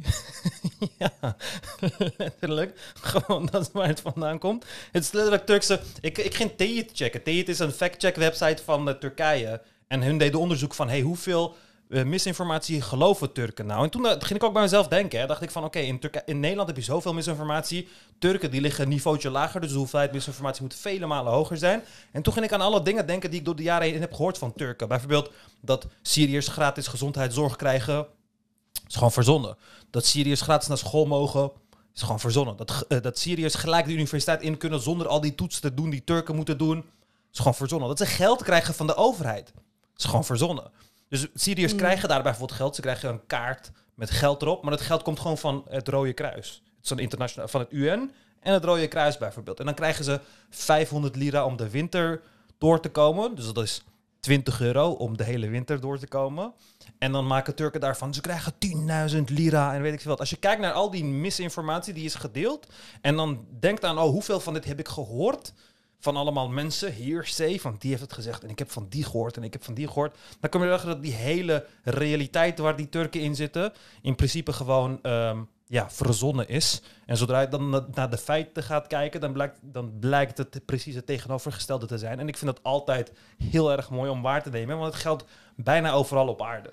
Zodra ik merk van... ehm, van oh ja, de, ar- de argumenten zijn gebaseerd op vrijwel niks... ervaringen meestal maar of bijvoorbeeld emotie. als we het hebben over Hispanics in Amerika. Mhm. Ik geloof best dat hun crime rate best wel hoger is. Oh ja, natuurlijk. Maar zijn Hispanics overal eh, op aarde hun crime rate hoger? Oh, dat weet nee, denk Of, ik niet. of is het alleen zo wanneer ze arm zijn? ja. Ja, dus dan is het toch niet de Hispanics bij wie de crime rate hoger is. Maar dan is het de armen bij wie de crime rate hoger is. En dat is het verschil. En Ja. dat is het verschil. Eh, eh, kijk, bijvoorbeeld ook met Turken die dan Syriërs als... Turken hebben dan een beeld van Syriërs. Van, oh, Syriërs zijn, van, van zijn, zijn Arabieren. Turken hebben, zijn sowieso allergisch voor Arabieren. En het zijn moslims en weet ik veel wat allemaal. Eh, Syrië is een seculier land. Turkije is een seculier land. Volgens de cijfers is 99% van Turkije eh, moslim. 99% van Turkije is moslim, volgens de cijfers. In Syrië is dat 75%. Mm. Dat betekent als jij Syriërs importeert, dat je minder moslims importeert dan wanneer jij Turken maakt. zeg maar. Want het is een minder islamitisch land. Er wonen Want je minder hebt ook moslims. christenen, toch, daar? Ja, je hebt christenen, je hebt Alevieten. Het wordt geregeerd door Alevieten sowieso. Ja. Bashar Assad is gewoon een Aleviet. Dus je hebt heel veel christenen. Je hebt Joden, je hebt Druze, je hebt eh, eh, helemaal verschillende uh, Koerdenbevolkingen en dat soort dingen. Dus, ehm, ehm, dus vaak ga je dat gewoon terugzien. Vaak Mhm. is het gewoon niks anders dan eh, ja, een idee dat je in je hoofd hebt. Van oké, dat zijn Arabieren en wij mogen Arabieren niet. Eh, dat krijg je dan eigenlijk. Even kijken. ehm. Here, there is no statistically significant impact of the Syrian refugees in crime rates in Turkey on the short run. There is a negative impact of treatment intensity on crime rates per capita when the impact of refugee population share is analyzed using an instrumental variable strategy. Um, overall, the empirical analysis provide casual evidence for a rather lower propensity of uh, crime commitment among the Syrian refugees in Turkey compared to the country's native population. Turken zijn zo, zo slecht. Turken zijn zo slecht dat wanneer ze oorlogsvluchtelingen uit Syrië importeren en die behandelen als troep, dat die Syriërs nog steeds minder in aanraking komen met politie en nog steeds minder aan criminaliteit doen dan de Turken zelf. Mm, En dit is het volk dat zo trots is op zichzelf. zo trots op Je moet zichzelf. even een link hiervan in de beschrijving zetten. Ja. Anders gaan ze je niet geloven. Ja, ik kan, ik, kan ze allemaal, ik kan ze allemaal zetten. Dit is een leuke. Deze komt uit eh, Duitsland, augustus 2021. En hierin hadden ze dus de berekening gedaan dat ehm, per 1% eh, eh, Our in- instrumental uh, variable estimates show that a 10 point increase in the percentage of refugees in the provi- province's population results in a statistically significant 8.1% drop in crime rates. Voor elke procent, dus elke 10 punten, elke procent van vluchtelingen, Syrische vluchtelingen die je in je stad hebt, gaat Mm. criminaliteit naar 8,1%. Nu we het toch hierover hebben. Wilders heeft zichzelf populair gemaakt. Ja. Met, eh, Ja, maar daarom en daarom en daarom, daarom probeer ik ook, zeg ik heel vaak in Turkije, eh, zeg ik heel vaak op deze podcast, Turken zijn ongelooflijk racistisch. Dus het is voor mij absoluut geen grap dat, dat eh, absoluut geen eh, de, verrassing dat. dat Wilders. Wilders. zo populair wordt. Want ja, Wilders komt er nu van achter, erachter van... hé, hey, die Turken, die zijn toch een stuk racistischer dan die Nederlanders. Dus misschien moet ik daar mijn, eh, daar mijn eh, ding zoeken. En ja, hij heeft gelijk. Want Turken, bij Turken is het zo. Kijk, de Turk is sowieso, vooral de ontwikkelde Turk, zogenaamd tussen aanhalingstekens. Die zijn grootste angst is dat hij als Arabier wordt gezien. De Turk zit zo in een soort van psychotische mental state van ben ik Arabier of ben ik Europeaan? Ben ik Arabier of ben ik Europeaan? En ze willen, koste wat het kost, niet als Arabier worden gezien, maar als Europeaan worden gezien. En dat ga- gaat al echt diep in onze, in onze verleden.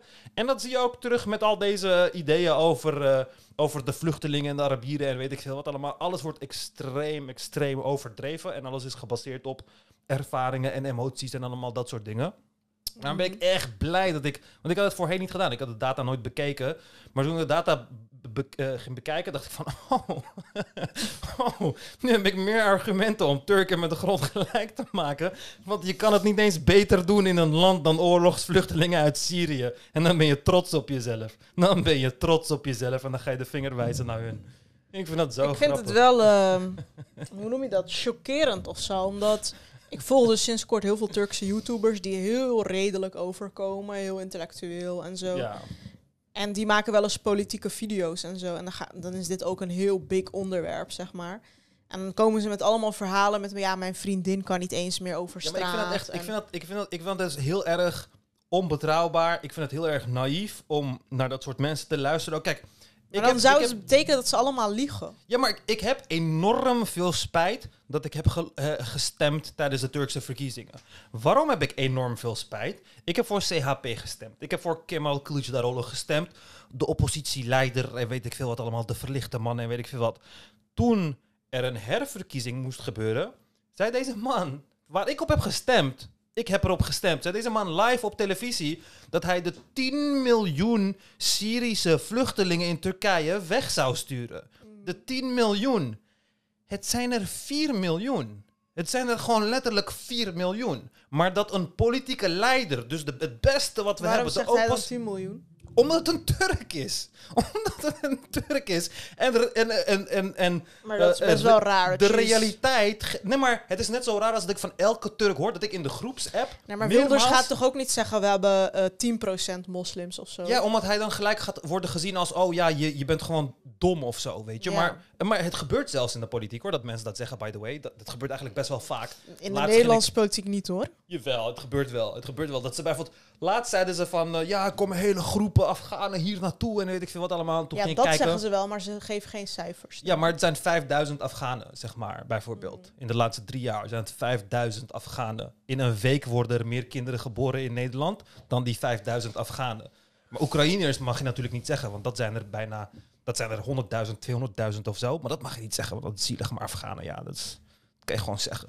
Weet je, maar dat, dat soort dingen doen wij ook. Maar wanneer ik dan die guy op tv zie, die dan zegt van ja, 10 miljoen vluchtelingen en weet ik veel wat. En het werkt, want Turken houden niet van feiten en cijfers. Daar houden ze niet van. Ze willen zelf verzinnen. Het is zo vaak in de groep gebeurd dat ze zeiden van ja, maar ze krijgen gratis healthcare en gratis school en weet ik veel wat. En dan denk je van, hoe weet je dit? Je hebt het gehoord van een andere Turk. En als er iemand is die niet op zijn woord kan vertrouwen, dan is het een Turk. Gewoon letterlijk. You should know this. Komt van een hele achtergrond waarbij ze je vanaf jongs af aan hebben voorgelogen met de man in de lucht. En weet ik veel wat allemaal. Je kan ze met al die dingen niet vertrouwen. En dan denk ik van ja, ik heb gestemd als een Mongool. Terwijl ik heb mijn eigen, terwijl ik altijd dacht van nee, ik ga niet stemmen, want het zijn Mongolen op wie je stemt. En vervolgens gaan ze iets idioterigs doen, zoals elke politicus. Heb ik op die guy gestemd en dan doet hij vervolgens dat. En dan gaat dat ons redden, zogenaamd, van Erdogan. De man die van 4 miljoen vluchtelingen 10 miljoen vluchtelingen maakt voor politiek gewin, achter de rug van oorlogsslachtoffers, heb ik dan op gestemd. En die moet ons gaan redden. En dat is het hele probleem in dat systeem. Dat ga ik blijven uitleggen aan Turken voornamelijk. En dat gaan ze gewoon nooit begrijpen, want het is gewoon veel fijner om vast te houden aan emotie. Maar laten we wel wezen, als hij dat niet had gedaan, had hij nooit die 49% gehaald. Ja, maar en dat is ook het probleem. Dat is ook het probleem, dat, dat, dat je in zo'n systeem bent tegen, eh, terechtgekomen waar het moet. Mm. Dat, is, dat is zo erg. Dat is gewoon zo erg. Dat is alsof deze podcast niet meer zou kunnen bestaan zolang ik niet deed alsof wij een nieuwe supplement hebben die jou van kanker gaat genezen en zo, weet je? Dan zijn we in zo'n wereld terechtgekomen waar je dan absurde dingen moet doen om toch nee, dat de- geldt niet voor alles. Maar in de politiek moet je altijd, er, ehm, moet je altijd kijken, oké, wie is mijn achterban? Hoe kan ik meer stemmen krijgen? Hoe kan ik winnen? Mhm. En daar doe je dan alles voor. Ja, dus je bent mensen aan het manipuleren en voorliegen om stemmen te halen. En nee, dat, die mensen hebben die ideeën al en jij pas je eraan aan. Zo zie ik Ja, het. dat heet manipuleren, zeg maar. Dan, ik, vind dat, ik vind dat manipuleren. Dat is alsof, kijk, ik ben geen moslim en ik wil allemaal moslims, eh, eh, ik wil ze achter me krijgen. Dan ga ik zeggen van, eh salam alaikum, broeders. Dan ben ik aan het manipuleren. Nee, maar dat doet toch elke politicus? Ik bedoel, Ja, Erdogan zegt toch ook anti-LGBT dingen niet omdat hij zichzelf eraan stoort, maar Mhm. omdat hij weet die achterban wil dat Ja, horen. maar dat... dat, De dat Santis zegt family values. Die gaat dan met zijn kinderen op de foto Ja. en die geeft een speech. Ah, maar het is gewoon ook omdat hij weet, mijn achterban vindt dat belangrijk. ja, maar daarom, kijk, wanneer jij als politicus jouw volk niet kan laten zien van... hé hey jongens, eh, er wordt gefocust op de verkeerde dingen, laten we op deze dingen focussen. Zolang jij dat niet probeert, zolang jij dat niet doet en de- denkt van... oh jongens, jullie denken de verkeerde dingen, maar in plaats dat... In plaats van dat te verhelpen, ga ik daarin mee. Yes, nog meer verkeerde dingen hier, nog meer verkeerde dingen. Ja, 10 miljoen, 20 miljoen, 30 miljoen. Ja. Weet je, dat is dan wat je ervan maakt. En dat is echt funest voor het land. En ja, om dan, om dan achteraf boos te worden omdat er een Erdogan bestaat. Of dat. eh, Ik vraag me wel af, stel hij had gewonnen, had hij dan die Syriërs echt teruggestuurd? Nee, natuurlijk niet. Maar Erdogan heeft zelf ook gezegd dat hij ze terug gaat sturen. En een groot deel van die mensen gaat ook weg. De groot deel, volgens de Poolse, wil een groot deel van die mensen ook weg. Maar moet eerst het gebied waar ze naartoe terug willen keren, moet eerst veilig zijn. En Erdogan heeft twee jaar geleden gezegd van ja, we gaan een corridor creëren waar dan een paar miljoen eh, mensen naartoe kunnen en weet ik veel wat. Dus uiteindelijk gaat het gebeuren. Dat, dat, Mm. dat sowieso. Maar het gaat niet gebeuren zoals elk van die politieke mensen het wilde. Want er, er is sowieso geen als Kılıçdaroğlu al zei van ik ga dit doen en vervolgens doet hij het niet, boeit het hem toch niet. Ja. Er is niet eens een systeem om, om hem daarvoor aansprakelijk te houden of zo. Van ja, maar je hebt het gezegd. Weet je? Kijk, als jij een Hij zei abonnement ook dat, aangaat eh, ergens, dan komen ze met een deurwaarder bij jou thuis. Ja. Maar als een politicus iets belooft en het vervolgens niet doet, dan is het van, oh ja, nee, maar dat is gewoon politiek. ja, hij zei ook dat hij iedereen gratis huizen zou geven ba- van aardbevingsgebied. Ja, maar kijk, dan zie je toch dat je bij elke verkiezing steeds meer de absurditeit ingaat. Dan is het over vijf verkiezingen is het van iedereen die stem krijgt, stippen, strippers en ongelimiteerd slagroom en weet ik veel wat allemaal. Ik denk van, ja, gaan we daar naartoe als, als samenleving? Van ja, we gaan mensen allemaal dingen beloven die ze toch niet gaan krijgen. Maar hé, hey, het Mm. klinkt top. Ja. Is best wel raar. Het is alsof iemand een politieke campagne voert met... eh, ja, als je op mij stemt, krijg je extra veel hoeren in de hemel of zo. Weet je? ja, Precies. ik zweer, het zou gewoon werken. Maar eh, Wilders, ik vond dat echt grappig. Hij ging Ja. zelfs iets van Atatürk delen. Zo'n quote. In het Turks. Ja. Dat is ook best, ja, maar hoe had je ooit gedacht in je leven? Ja, en dat, toen deelde, deelde Barbara volgens mij in de groep die, hele, die video van Wilders van jaren terug... waarin hij zei van Turken gaan nooit bij Europa horen. oh, wacht, dat hadden we al in de podcast behandeld, toch? Die, die tweet van hem. ja, die tweets hebben we Oh behandeld. ja, ja, ja. Die ik tweets herinner het hebben nu we beha- pas. Ja, behandeld, nee, ja. Mijn geheugen is echt slecht. Nee, maar die video eh, van een paar jaar terug, dat hij dan kritiek had op Turken en zeggen dat ze nooit Ja. Europeanen binnen zouden Ik komen. weet Dan, die video nog. dan is het heel mooi dus om te zien hoe snel hij kan switchen om gewoon, ja, voor wat. Ik, ik snap sowieso niet wat het doel is daarmee. Is het van, oh ja, ik Wilt krijg- hij likes krijgen? Wilt hij Ja. zich echt president of eh, hoe noem je dat? Verkiesbaar stellen in Turkije? Wat wilt hij Nee, nou? natuurlijk niet. Hij gaat weet zich ik nooit veel. verkiesbaar stellen in Turkije. Nee, hij, deelt zijn eigen de foto naast Erdogan. Van eh, kijk, de toekomst of zo. Ik weet niet wat hij. Maar vindt hij dat grappig? Is dat zijn humor? Ik snap het niet echt. Ja. Vindt hij het leuk dat hij zo die 24k likes heeft van al die Turken? Mm. En hij retweet ook al die tweets die zeggen van ja, ik ben moslim en u heeft helemaal gelijk. Zo van kijk, Ja. ik ben niet anti-moslim of zo. Ja, er zijn moslims die het eens met mij zijn, dus ik ben niet anti-moslim. Daarom, kijk, als Hitler tegenwoordig bestond, dan had hij gewoon een Twitter-account en dan gaat hij gewoon, had hij gewoon eh, eh, tweets van Joden die hem steunen, geretweet van kijk, ik ben helemaal niet antisemitisch. Kijk, kijk, deze Joden zijn het eens met dat we de meeste Joden moeten vergassen.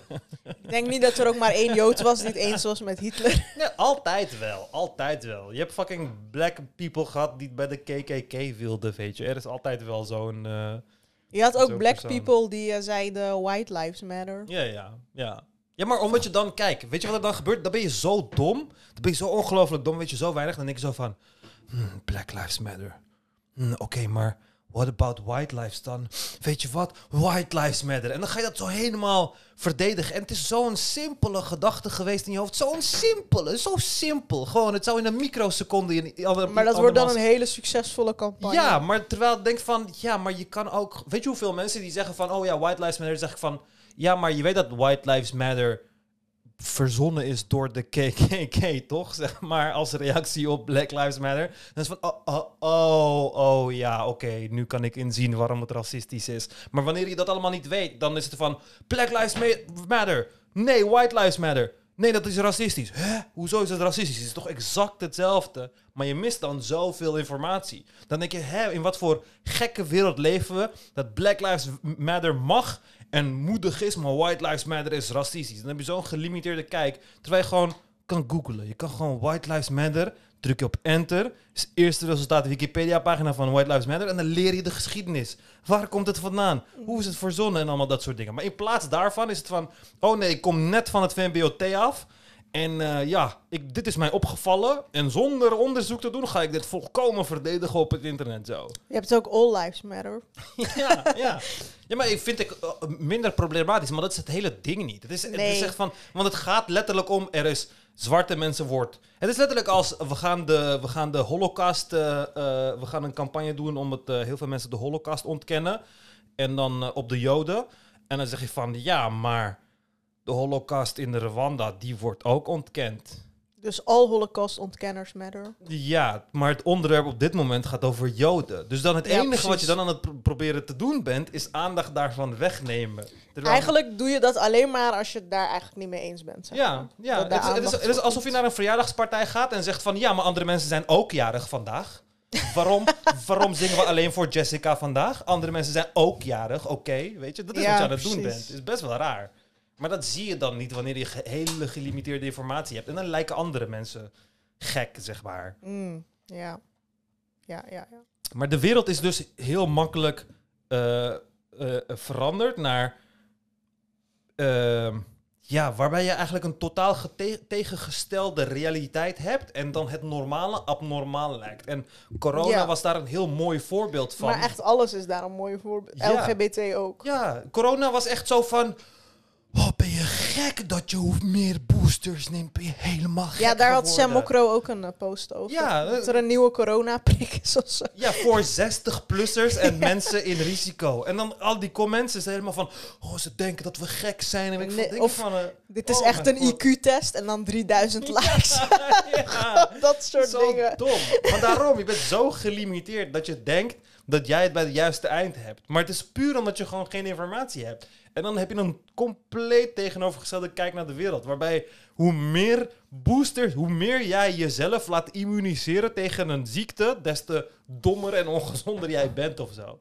Mm. Het is zo raar. Het is echt zo raar waar we naartoe zijn gegaan als, als wereld. Maar ja. Vaccinatiegraad is toch ook gedaald onder kinderen? Ja, ja, en dat zei ik ook. Dat zei ik letterlijk in de tweede aflevering van deze, deze podcast, dat het zou gebeuren. Maar ja, nu we gaan nu mazelen eh, eh, Gaat gewoon weer teruggekomen. epidemieën krijgen. Zoals in Amerika ook is gebeurd. Ik bedoel, ja. Want daar is het nog top. meer gedaald of zo. Ja, dit, omdat, omdat antivax heel populair was in Amerika, dus daar begonnen en daar gepopulariseerd. En hun politici zaten er al in, nog voordat wij besloten om net zo dom als Amerika te doen. Met onze FVD'tjes en weet ik veel watjes. Ehm, was daar een directe correlatie te zien tussen de hoeveelheid eh eh, antivax-informatie die werd gedeeld en eh, meerdere mazelen, outbreaks in scholen.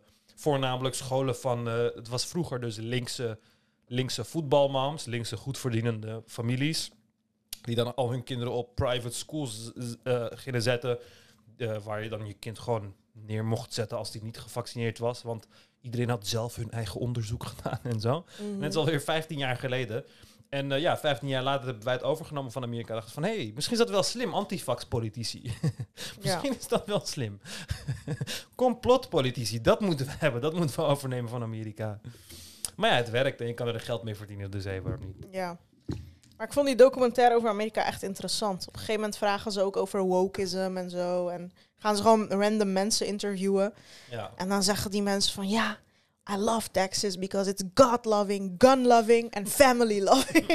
en dan is het zo van, hij voelt zich echt zo de man dat hij dat heeft Mhm. gezegd of zo. Maar stel je voor dat een Arabier dat zegt in het Arabisch. Ik hou Ja. van Saudi-Arabië, want we zijn hier bang voor Allah. We houden van onze wapens en we houden van onze familie. Hoe klinkt dat? Ja, het klinkt best wel eng. Ja, dat klinkt fucking Maar dat gestoord. klinkt bij die man ook eng hoor. Bedoel, Ja, maar het, het heeft een wat...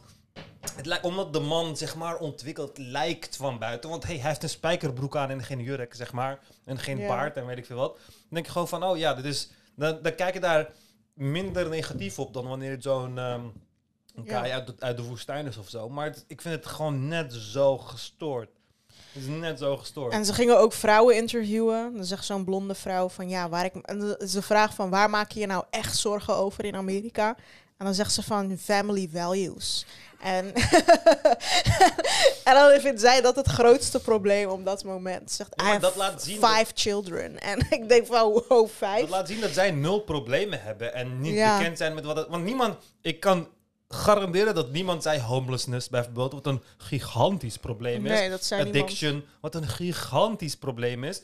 Al die dingen, al de grote problemen van Amerika, dat boeit niemand. Want dat is ook de politieke strategie. Waarom zou je focussen op Ja, al het is dingen? allemaal cultural, zeg maar. Ja. Het is niet allemaal... Want op eh, alle dingen die je... Kijk, homelessness fixen, eh, eh, pollution fixen, groene energie fixen, addiction fixen... is fucking onmogelijk bijna. Maar zeggen dat links je kinderen trans wilt maken... en dat je daar iets tegenaan gaat doen, dat is zo makkelijk. Dat is zo Mm. makkelijk. Je hoeft niet eens te werken. Je hoeft niet eens te werken. Weet je, en dat is waar ze dan uiteindelijk voor kiezen. Want het zijn allemaal gewoon... eh, gewoon schijnbewegingen, gewoon eh fata morgana's die ze creëren om jou eh, af te Ja. leiden van de daadwerkelijke problemen. En abortion is daar natuurlijk een heel groot ding. En dan gaan ze zo'n conservatieve interviewen van wat vind je ervan en zo. Zeggen ze van ja, is gewoon een media hype. Want iedereen kan gewoon abortus doen tot 15 weken. Ik hoor die heeft het gedaan en die heeft het gedaan. Tot 15 weken kun je het gewoon doen, zeggen ze van. Eh, zeggen ze, en zeggen ze van ja, I really. eh, Eh, van ik betreur dat echt. En eh, dan, toen zei zo'n andere progressieveling van ja, maar 15 weken is gewoon niks. Weet je wel, Ja. dan weten de meeste vrouwen nog niet eens dat ze zwanger zijn en Ja. zo. Maar in hun hoofd is het zeg maar zo erg dat, dat je tot 15 weken het nog kan doen, dat ze zelfs dat ook nog willen, zeg maar, verbieden. Ja, maar in hun hoofd denken zij bij 15 weken zwanger. Denken zij van, oh, je weet al 15 weken dat je zwanger bent. Ja, Dat precies. is, dat is hoe zij het maken in hun hoofd. Maar in de realiteit is het dus niet zo. Ja. En die DeSantis is dus heel populair omdat hij ook zegt van ja, seksuele voorlichting en LGBT en zo ga ik van alle scholen bannen. Eh, en dat, ja, dat maakt hem dus blijkbaar heel populair. Ja. En eh, ze gingen ook dakloze mensen interviewen. Het ging over de American Dream. En al die daklozen zeiden dat ze daar ook in geloven. Wat echt raar was. Ja. Toen zei Bo, dus die Nederlands presentator van dit is echt raar. Want ze zeiden ze van ja, what do you think of the American Dream en zo. En dan zeggen ze van ja, I really believe in it en zo. Het is echt raar. van je bent dakloos. maar ja, wat vind jij van de American Dream? Ja, ik vind het echt een beetje onzin. Dat je van straatjongen naar eh, miljonair kan gaan. het kan letterlijk overal op aarde kan dat. Ja, Letterlijk overal op aarde kan dat. Maar in Amerika wordt het gewoon gebruikt als marketingpraatje. Zodat jij gewoon hard werkt en je bek dicht houdt. En de, de consequenties, zeg maar, als het je niet is gelukt, dan ligt het alleen maar aan jou. Want kijk, andere mensen is het wel gelukt en jou niet. Dus het ligt aan jou en niet aan de overheid. Dat is basically het idee dat ze hebben. Maar ja, eh, mensen gaan van eh, st- straatarm naar stinkend rijk in letterlijk alle landen in de wereld. Tenminste, zolang het een ontwikkeld land is natuurlijk. Ja, precies. En eh, ze gingen dus uitleggen dat een vijfde van de Amerikaanse economie, van al het geld in Amerika, een vijfde deel daarvan zit bij de allerrijkste elite van New York. Zo ongelijk is het, zeg Ja. maar.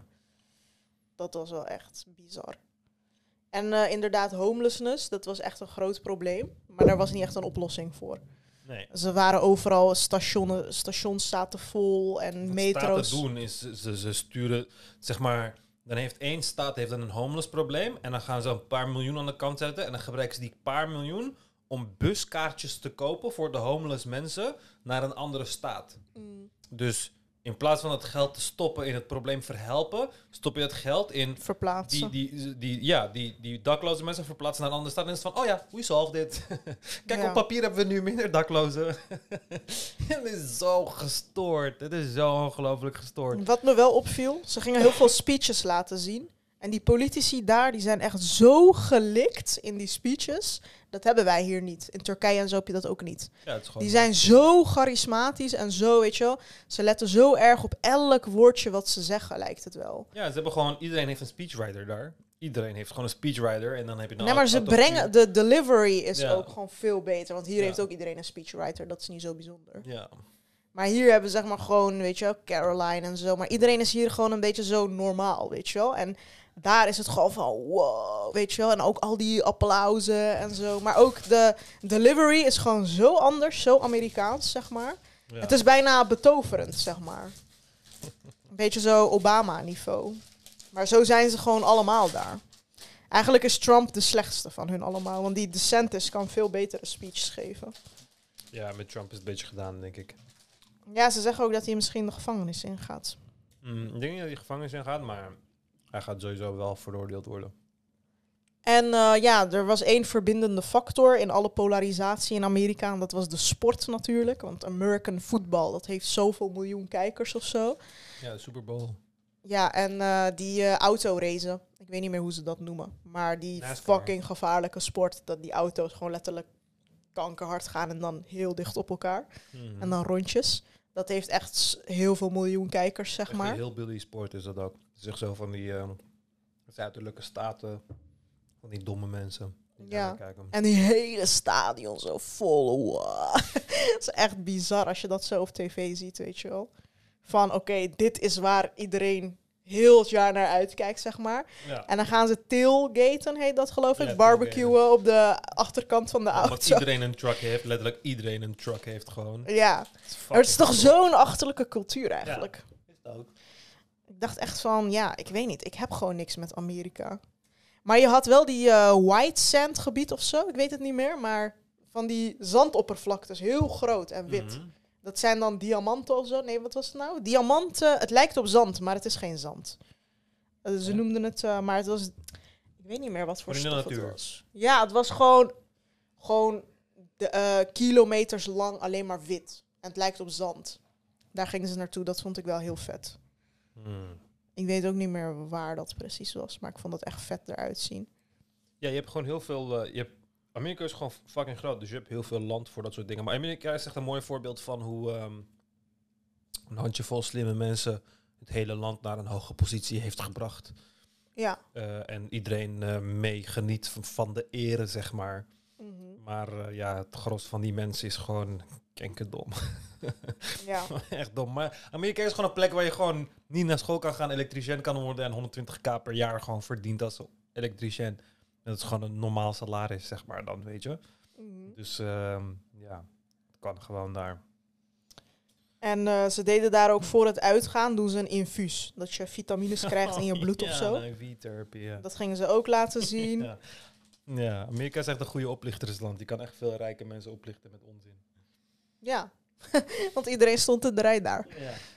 En ze gingen bijvoorbeeld ook homo's interviewen die dan ook anti-LGBT zijn. Want ze zeggen van ja, het is zo... eh, iedereen eh, drukt het zo door je strot en zo. En vroeger, weet je, je was gewoon gay en niemand had het erover en zo. En nu eh, heb je allemaal zo'n label en zo. Dus die was zeg maar anti-LGBT. Nou, echt van dat soort interviews zeg maar de hele tijd. Dat was best wel interessant. Mm. Ehm, ik denk dat ik deze aflevering ga afsluiten. ja. Dankjewel voor het luisteren. Als je met ons mee wilt chatten over de podcast, dan kun je je aanmelden bij de Telegram chat van de, eh, hoe heet het nou? Ik ga leven Telegram chat. De link staat in de beschrijving. Als je donateur bent, kom je in de donateurs chat en dan heb je toegang tot de eh, versleutelde afleveringen. Daar hebben we ook inmiddels eh, best wel veel van. En dan kun je komen op de donateursbarbecue die we binnenkort gaan organiseren. Iedereen vraagt er wanneer. Ja. In de groep de hele tijd. We moeten wel Mensen hebben haast. We moeten gewoon even kijken. Ja. Ehm, en eh, ja, donateur kun je worden op ikgaleven.backme.org. Als je de betaling hebt gedaan, kun je hem er een DM sturen. Dan kom je in de groep. En eh that's it eigenlijk. Dankjewel voor het luisteren en tot de volgende Tot keer. de volgende keer.